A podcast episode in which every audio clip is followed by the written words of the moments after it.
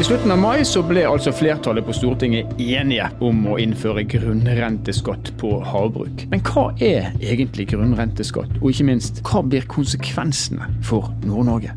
Dette er Nord-Norge i verden. Mitt navn er Stein Vidar Loftaas.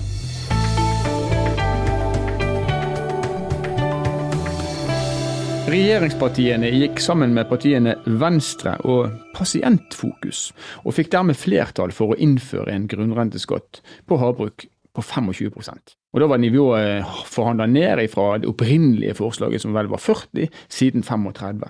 Men havbruksnæringene er fortsatt i harnisk. Kommunene på den andre siden de får sårt tiltrengte inntekter som en eh, konsekvens av dette. her. Vi skal snakke litt om hva grunnrenteskatt egentlig er. Og Litt senere i denne episoden så skal vi eh, høre fra Line Ellingsen, som da er ja, leder et, eh, et havbruksselskap i eh, Lofoten. Men før det så skal vi snakke med banksjef for havnæringer i Sparebank1 Nord-Norge, Per Martin Olsen. Velkommen til oss, Per Martin. Tusen takk for det. Du, vi skal starte på, på et teoretisk nivå. Grunnrente, hva er det for noe? En sånn eh, standard eh, definisjon på grunnrente det er at grunnrente er avkastning som overstiger normal avkastning. Eh, man kaller det også for, for superprofitt på fellesskapets naturressurser. Mm. Og det kan være på naturressurser som jord, skog, hav eller vassdrag. Og I Norge så har vi jo hatt grunnrenteskatt på, på vannkraft, olje og gass i, i, flere år. Og det er skatt som har gått til stat og kommune. Mm. Så dette er også næringer som benytter seg av eh, det som på en måte er vårt i fellesskap. Hvorfor er det da så høye, mange høye utestemmer nær sagt, når man prøver å innføre grunnrenteskatt for eh, havbruksnæringene? Nei, altså eh, økt skatt er jo alltid kontroversielt for de som skal betale den økte skatten. Det var jo kontroversielt, og er fortsatt kontroversielt. Det opprinnelige forslaget var jo 40 Eh, grunnrenteskatt på toppen av en selskapsskatt på 22, og så hadde du formuesskatt, utbytteskatt pluss en del sånn produksjonsavgift i tillegg. Så det, det ble ganske mye for oppdretterne. Eh, så jeg forstår veldig godt at det ble reaksjoner på det. Og så har jo næringa med rette, mener jeg, da, reagert på selve prosessen med lite involvering, eh, og at skatten på en måte skulle tre i kraft før han ble, ble beslutta. Så det har vært mye uklarhet og usikkerhet hvordan selve modellen skulle virke, og det, det har jeg full forståelse for at eh, det, det har skapt reaksjoner. Men nå endte man opp med et forslag som var justert må kanskje si, justert ned i flere omganger. Det forslaget som nå ligger på bordet, der det ennå er, er misnøye fra næringen sjøl, hva er det de mener nå er det mest problematiske med det som er vedtatt? Nei, altså det som er vedtatt, er jo eh, altså det, det går vel litt på den politiske risikoen og, og uforutsigbarheten i det. det. Og den er jo betydelig svekka sånn som det, sånn som det er per nå. da. Og så er det jo sånn Når det er innført en skatt, eh, det, vi, det, vet vi av historien, så skal det veldig mye til for å få den bort. da. Og Det skal komme budsjettforlik, og det kommer nye regjeringer. Så det er veldig lett å skru på den her eh, når man skal ha gjennom et budsjett. Og Det har vi sett på, på vannkraft og olje, at uh, man har tatt noen knepp opp når man har trengt penger. Så, så jeg tror nok den, den, er den store den, altså den fremtidige usikkerheten betyr mye for, for, for oppdretterne. Det er, noen andre liksom, komplekse begreper som er, verserer i, i, det som nå er vedtatt. Blant annet så snakker man om en normprismodell. Hva, er det for noe, og hvorfor, hvorfor, mener man at det er så utfordrende? Nei, altså En normpris, eller en standardpris, det, det, skal settes på salgsprisen på laksen av et uavhengig råd, i stedet for det, den prisen som oppdretterne faktisk har oppnådd. Og denne såkalte normprisen da, skal danne grunnlaget for eh, skatteberegninga. Det har vært mye diskusjoner rundt det, fordi at laks er jo ikke en homogen vare. Den har ulike størrelser, den har ulike kvaliteter. Så det å sette en sånn normpris i et sånn normprisutvalg, det, det tror jeg kommer til å bli veldig krevende. Så det kan i verste fall medføre en, en, en, høyere normpris enn den prisen faktisk eh, som oppdretterne oppnår, og da, da, får man høyere skatt. Mm. Altså at du skattes av en inntekt du faktisk ikke har. Hvorfor gjør man det? Hvorfor kan man ikke skattlegge det basert på hva man faktisk selger laksen for? Jo, det kan man si. Eh, det er jo det oppdretterne vil. at Man skal. Man har jo en, en salgspris eh, som ligger til grunn. Det er faktura og det er revisjon. Så oppdretterne mener jo at eh, man bør kunne bruke den reelle salgsprisen. Men det er ikke det som ligger i, i vedtaket for det. I tillegg så har jo den utfordringa med fastpriskontrakter det, jo, det, kommer jo også til å bli en nøtt i en slikt nordprisråd. Og vi har allerede sett konsekvensene at det, det, altså, an, antall fastpriskontrakter har jo stupt etter det, den grunnrentedebatten kom på havnæringen. Så i tillegg så er det jo sånn at eh, det er jo kun den her sjø sjødelen, vekstfasen i sjøen, som er omfatta av grunnrenteskatten. og det jo, innebærer jo aktiviteter sånn som på, på land, som smoltproduksjon, slakteri, eh, salg, foredling. Det omfattes jo ikke av skatten. Så her, og det skal jo prises, det skal jo selges en smolt til et, til et uh, selskap eller til en sjøbasert del av næringa. Og det skal slaktes, det skal være brønnbåt. Så ja, det her kommer til å bli veldig komplekst eh, hvordan man skal prise de her tjenestene eh, internt i et, eh, i et system. Så det så vedtatt, men ennå ganske uklart. En annen ting er det som har vært påpekt under hele denne prosessen. altså Oppdrettsselskapene langs kysten er i mange tilfeller viktige hjørnesteinsbedrifter. Hva, hva ringvirkninger vil det ha for det kan du si, det lokale og det regionale næringslivet når denne skatten nå blir innført? Altså Hvordan påvirker det lokalsamfunnene? Ja, altså den, den, umiddelbare konsekvensen det så vi allerede i høst da forslaget kom. For Da ble jo investering for ca. 40 milliarder stansa eller satt på hold. og eh, ja, Vi telte vel opp ca. 20 milliarder av de var i Nord-Norge. Og Det medførte jo mange ble permittert på leverandørsida. Så det var nesten, Om det var taktikkeri eller ikke fra oppdretterne, det, det vil nå tida vise. Men men jeg tror nok oppdretterne vil, vil, klare seg godt. Men jeg er veldig usikker på leverandørsida og ringvirkninger for lokalsamfunnene. For uh, ca. 80% av investeringen i næringa skjer utenfor det som er underlagt grunnrentebeskatning. Uh, og vi snakker om enorme investeringer i smoltanlegg og slakteri og videreforedling. Og det er jo gjort med kapitalen fra, fra den delen som er underlagt grunnrente, altså sjøsida. Så effekten her er veldig, veldig usikker da, fremover. Og så har jo Havbruksnæringa har jo også stått for store deler av den eh, verdiskapningskapitalen kan du si, langs kysten. altså det Overskuddet fra oppdrett har blitt investert i andre virksomheter, ikke bare innenfor sjømat, men også innenfor andre, andre næringer. Og, eh, så her kommer det til å bli ei, ei ja, jeg er litt spent på den utviklinga der på, i forhold til ring, ringvirkningen som oppdretterne har, har, skapt. I tillegg så har det jo også at oppdretterne har eh, bidratt med betydelige midler til, til, til samfunnet, altså til idrett, kultur, frivillighet, som har skapt bolyst. Det, det, ser vi spesielt på de litt mindre plassene i distriktene, der det har vært en betydelig tilførsel av midler til, til samfunnet. Nå får de mindre penger å bruke lokalt fordi at de må betale inn penger til staten. Men så sier jo staten på sin side at disse midlene skal igjen omfordeles. Eh, og i debatten som har, har rast, må man kanskje kunne si, du har vært en del av den debatten, så har du uttrykt bekymring for at denne grunnrenteskatten den vil føre til at kapital flyttes fra distriktene og til de sentrale områdene og ikke kommer tilbake igjen. Hvorfor tror du det blir sånn? Nei, altså, det, altså Kapitalen er sånn at den drar dit eh, den får best avkastning. og Det, den, det er ikke noe landegrense sånn sett. Den, den, flytter.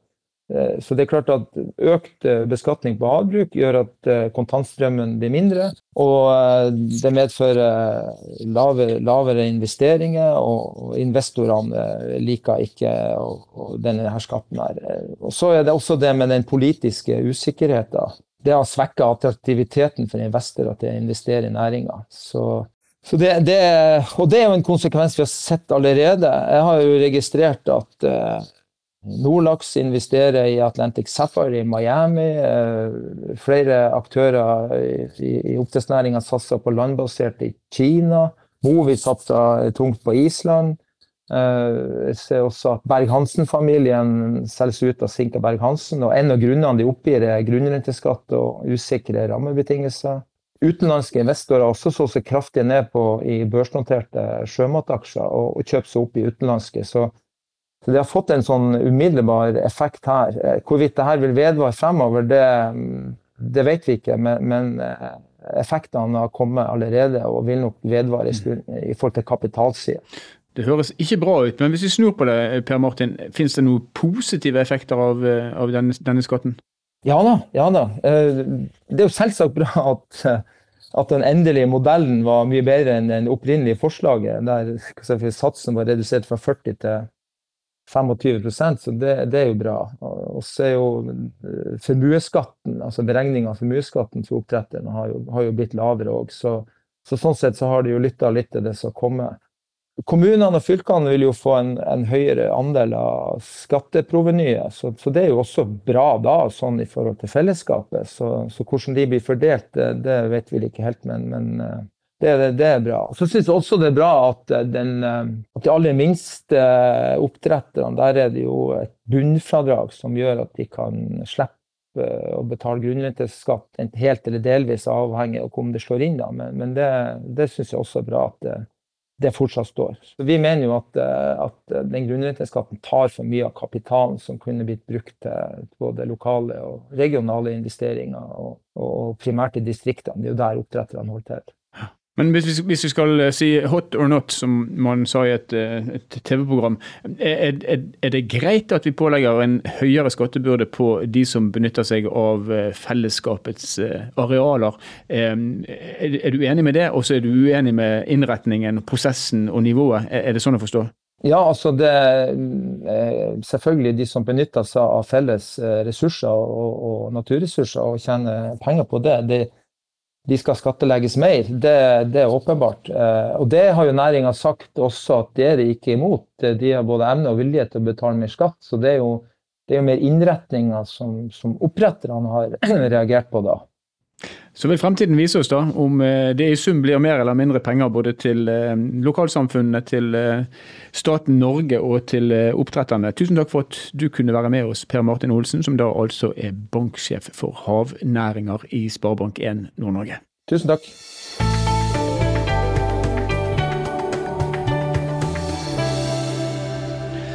Motstanden mot eh, innføring av grunnrenteskatten har selvfølgelig vært stor innenfor havbruksnæringen. Og eh, administrerende direktør i Ellingsen Seafood, Line Ellingsen, hun er en av de som har tatt til orde for, eh, for nettopp det. Og nå er hun med oss her på Nord-Norge i verden, og hjertelig velkommen til oss, Line. Takk skal du ha.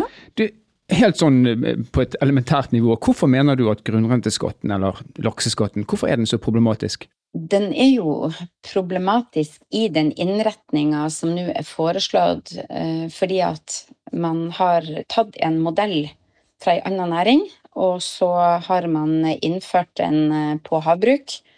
Og eh, det gjør jo Det er egentlig veldig mange ting rundt modellen som er, er problematisk, men det primære det er jo det høye skattetrykket som man legger opp til, og det andre det er at den er veldig byråkratisk. Mm. Men det betyr i praksis at du er ikke imot grunnrenteskatt som sådan, men det er den innretningen som er valgt i dette tilfellet? Jo, det er jo en annen side av saken. Det er jo at eh, jeg syns jo ikke at det er rett at havbruksnæringa, hvor vi betaler for alle innsatsfaktorene som smolt og fôr, eh, vi tar den biologiske risikoen, eh, vi betaler eiendomsskatt, vi betaler en produksjonsavgift og så skal vi da bli ilagt en grunnrenteskatt for å egentlig leie en del av vannsøyla. Det betaler vi eiendomsskatt for, vi betaler en produksjonsavgift. Sånn at det å sammenligne de her to tingene, det blir òg feil. Men det er jo det man egentlig har gjort i denne grunnrentediskusjonen, det at man har tatt en tro kopi fra vann og olje, og så har man tatt det over til havbruk. Hvor stort blir det totale skattetrykket deres etter denne grunnrenteskatten, som nå er da vedtatt på 25% Den blir nok eh, nærmere 60% og kanskje til og med fortsatt opp i 100% Det jo altså det vi har fått vite nå, det er jo selve grunnrenteskatten. Men så skal det jo utarbeides en forskrift, og vi vet jo ikke helt hvordan den forskriften kommer til å se ut. Så det er jo fortsatt veldig mange ting som er uavklart. Og, og her, den skatten er jo allerede innført fra 1.1. i år.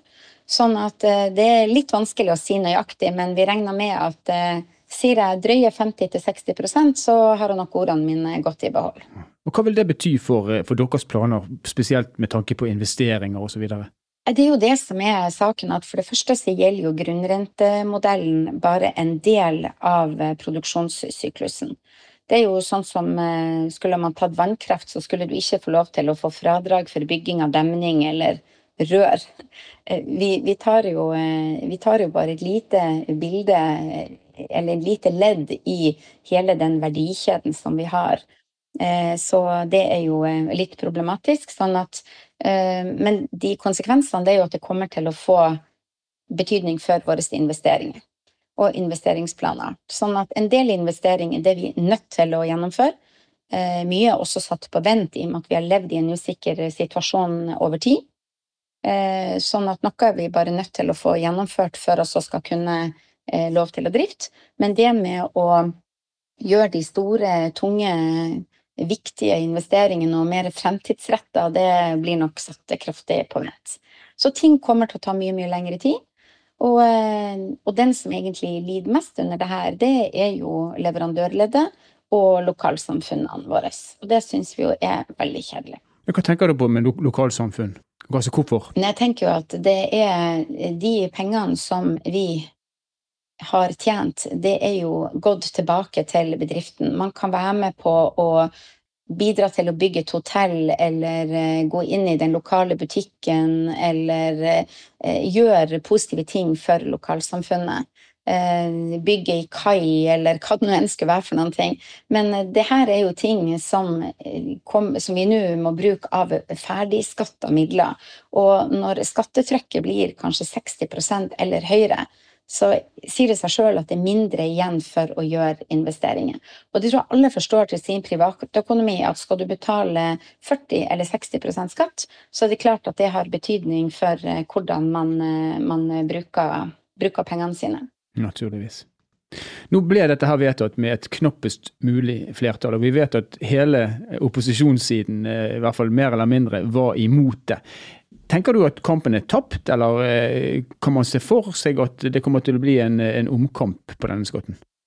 Nei, jeg håper jo at vi kan få en modell som er tilpassa vår næring. Det man har gjort nå, det er at man har eh, laga ei trillebår med et trekantig hjul, eller firkantig hjul, og så har man fila på endene. Og det er klart at den trillebåra, den går jo rundt, men det ville jo vært mye bedre å ha et rundt hjul.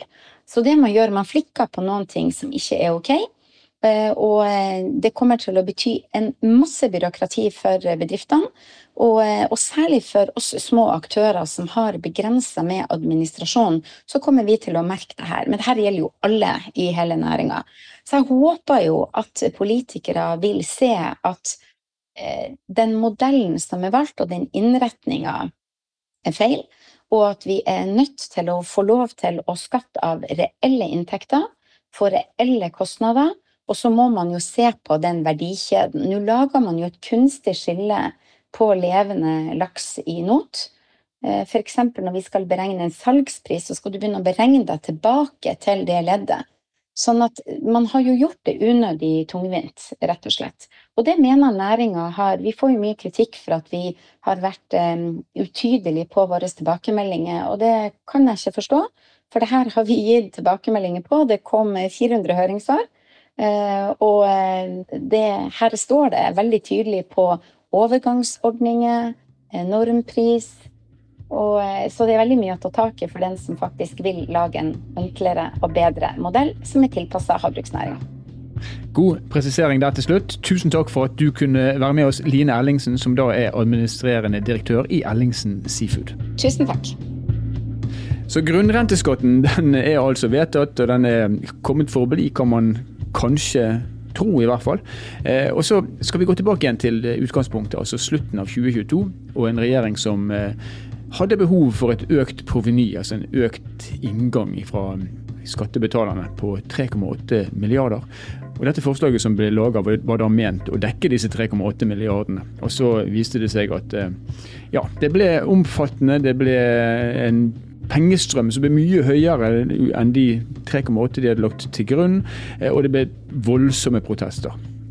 Så eh, ba man om innspill. Man fikk over 400 innspill, og man har vel egentlig ikke tatt disse innspillene ad notam i noen særlig grad. Det man har gjort, er at man har senka eh, skattesatsen og gjort noen andre små tilpasninger. Man har gått fra 40 til 25% Uansett så hører vi Line Erlingsen si at for hennes selskap, som ikke er spesielt stort, så ender de opp med et skattetrykk som kanskje kommer til å være både på 50 og 60% Mye høyere enn for mange andre næringer, og kanskje også mye høyere enn de de skal konkurrere mot ifra det store utlandet.